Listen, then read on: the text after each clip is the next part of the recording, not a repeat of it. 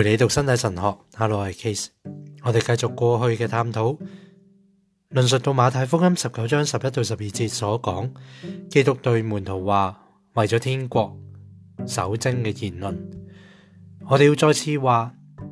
呢啲嘅说话虽然精简，但系咧非常丰富同埋精确，带有丰富嘅教义性同埋牧养嘅含义，同时指出呢件事嘅正确范围。因此，任何摩尼教嘅诠释绝对系超出咗呢个范围嘅。正如喺心入边贪恋系超出咗基督喺登山冇份嘅言论嘅范围。基督有关为咗天国守贞嘅言论系丝毫冇暗示话，由于男女彼此结合，以至于成为一个肉体，即系一体啦。因此，就身体或者婚姻嘅本质而言呢婚姻就系次等啦。系丝毫冇咁样嘅暗示嘅。喺马太福音十九章十一到十二节所记载嘅基督言论入边，我哋揾唔到任何理由认为婚姻系次等嘅，或者由于守童贞或者独身系放弃夫妻间嘅身体结合，因此呢就系优越啦，都揾唔到咁嘅理由。关于呢一点，基督嘅言论系非常清楚嘅。佢提出守贞嘅理想。并呼召门徒去追随嗰个唔系因为夫妻间嘅身体结合系次等，或者佢对于呢一种结合有偏见，而呢单单系因为为咗天国，就呢一样嘢而言，就为咗天国呢个词语作出更深入嘅说明呢系特别有益嘅，有助益嘅。呢个系我哋接下嚟咧会尝试去做嘅事啦。至少会作出概略嘅说明。然而，为咗正确认识婚姻同埋基督所讲嘅守贞之间嘅关系，并且认识整个传统点样理解呢个关系，我哋应该补充去讲：优越同埋次等，只系在于婚姻同埋为天国守贞两者嘅互补性嘅范围入边咧所持嘅睇法。婚姻同埋守贞既非互相对立，亦冇将人类。同埋督徒啦嘅团体划分为两个阵营啊，亦即系话划分为因为选择守贞而变得完美啦，同埋因为婚姻生活现实咧而变得唔完美或者信于完美人，系冇咁样分做两个阵营嘅。然而就住呢个团体嘅存在同埋生活而言啦，上述两个基本嘅情况或者两种状况啦。可以话系互相说明或者去互相完成嘅整个人类嘅团体，同埋佢所有嘅成员都系喺上帝国嘅向度入边咧去实现嘅，并朝向天国特有嘅末世方向去迈进。就整个基督徒嘅团体啊，即系个群体啦，同埋属于呢个群体嘅人咧，都必须要藉住信心投入呢一个向度同埋方向，就住呢个。层层面而言啦，为咗经过守贞，对于嗰啲去度婚姻生活嘅人咧，有特别嘅重要性，而且意味深长。无论如何，显然大多数人都都选择咗婚姻嘅生活嘅。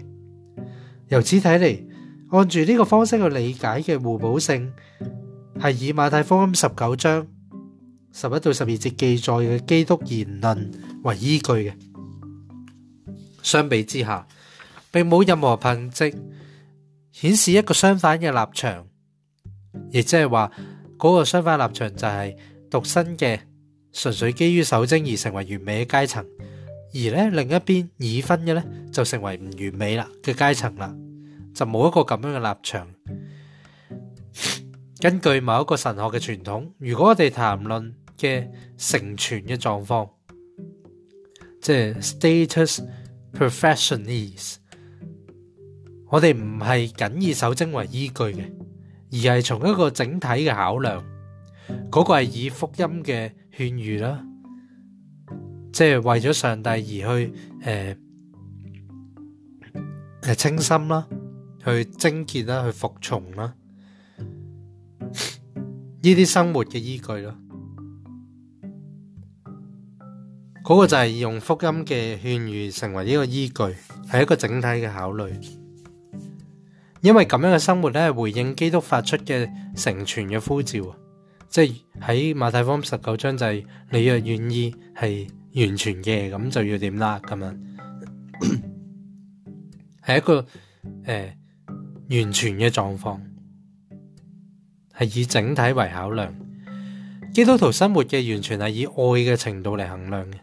按住呢个衡量嘅方式，倘若一个人冇喺生活入边。嘅完全嘅状况，或者喺修会嘅群体入边啦，而系过住一个世俗嘅生活啦，即系话唔系唔系喺修院入边咁样啦。呢个人实际上咧，有可能比嗰啲生活喺成全嘅状况，但系爱得更少嘅人咧，更加诶完全嘅。因为量度嘅标准咧系爱啊，亦即系话你喺世俗生活入边，你爱得多。就唔代表你喺修会就俾嗰啲喺修会入边嘅人呢，就教唔完全嘅，唔系咁，因为计爱啊嘛，你爱得多咁啊，可能系更加完诶完全嘅状况啦，咁样。可是福音劝喻呢，无疑仲可以帮助人达至圆满嘅爱，因此无论边一个达至咁样嘅爱，即使佢唔系活喺制度化嘅成全状况，亦都系藉住忠于呢啲劝喻嘅精神。达到由爱去促成嘅一个完全，无论系活喺修会啦，定唔系啊，即系喺世俗入边嘅人啦，唔喺修院入边嘅人啦，呢种成全咧，对于每个人嚟讲都系可能嘅，亦都系可以达到嘅。即系话你唔系你冇读神学嘅，你喺职场入边嘅都唔系计呢样嘢嘅，系计爱嘅程度咁样。因此啊，马太福音十九章所记载嘅基督嘅言论。似乎系关于婚姻同埋为咗守、为咗天国守贞嘅意义，喺意义同埋多重重要性方面嘅互补性。喺天上教会嘅角度嚟讲，呢两种状况就系指两个重要同埋有意识嘅选择，系个人整个在世生活嘅一个呼召。喺正统基督徒团体嘅生活入边，呢两种状况特有嘅态度同埋价值观系互相补足嘅。而且可以话系互相渗透嘅添，完全嘅夫妻间嘅爱，必须对唯一嘅新郎忠贞，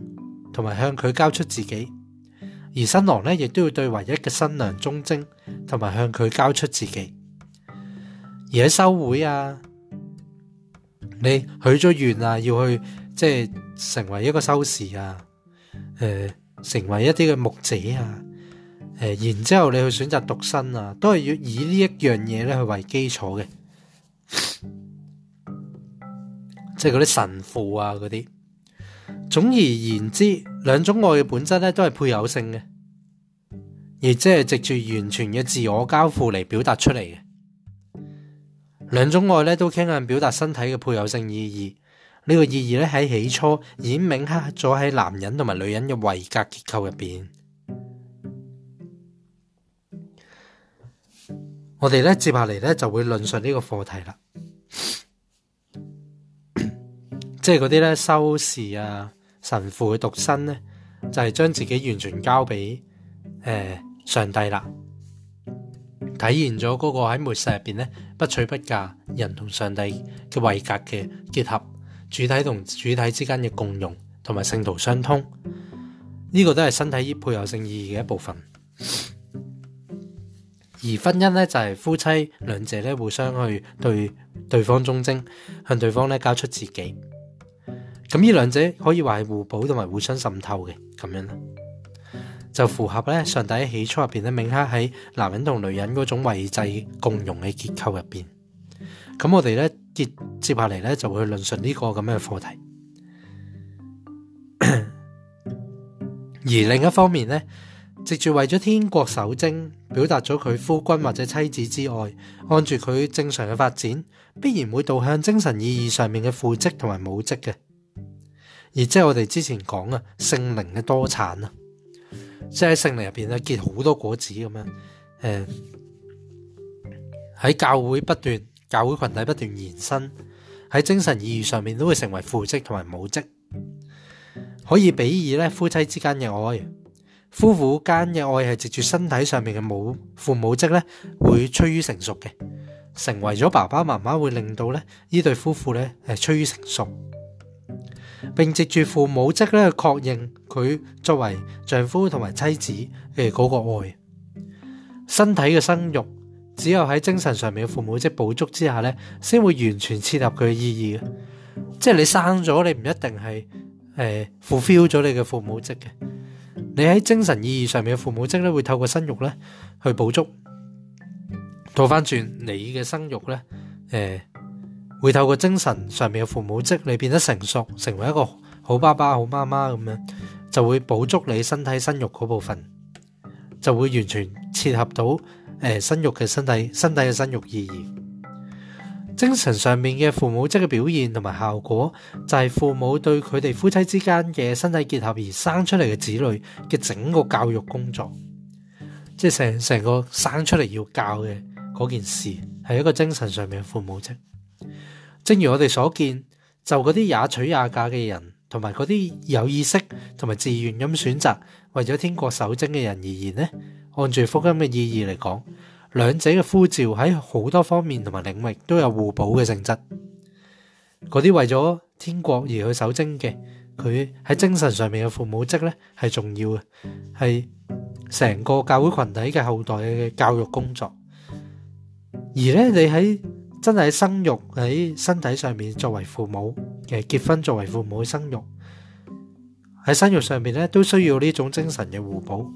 而咧喺教会群体入边咧，都需要一种身体上面去生你后代出嚟咧，先至有嘅有嗰啲人啊，去受到牧养喺教会入边咧，去跟随上帝，去诶跟随基督，两样咧系互补嘅，你中有我，我中有你嘅，咁样喺哥林多前书入边。之后咧，我哋都会再分析嘅。喺新西神学嘅第八十二到八十五次会讲，就系保罗写到，每个人都有佢各自得到上帝嘅恩典，有人系呢样，有人系嗰样，关唔多前书七章七节。呢个咧，亦都系咁去咁样去解释到。咁咧，我哋下次咧会再读落去。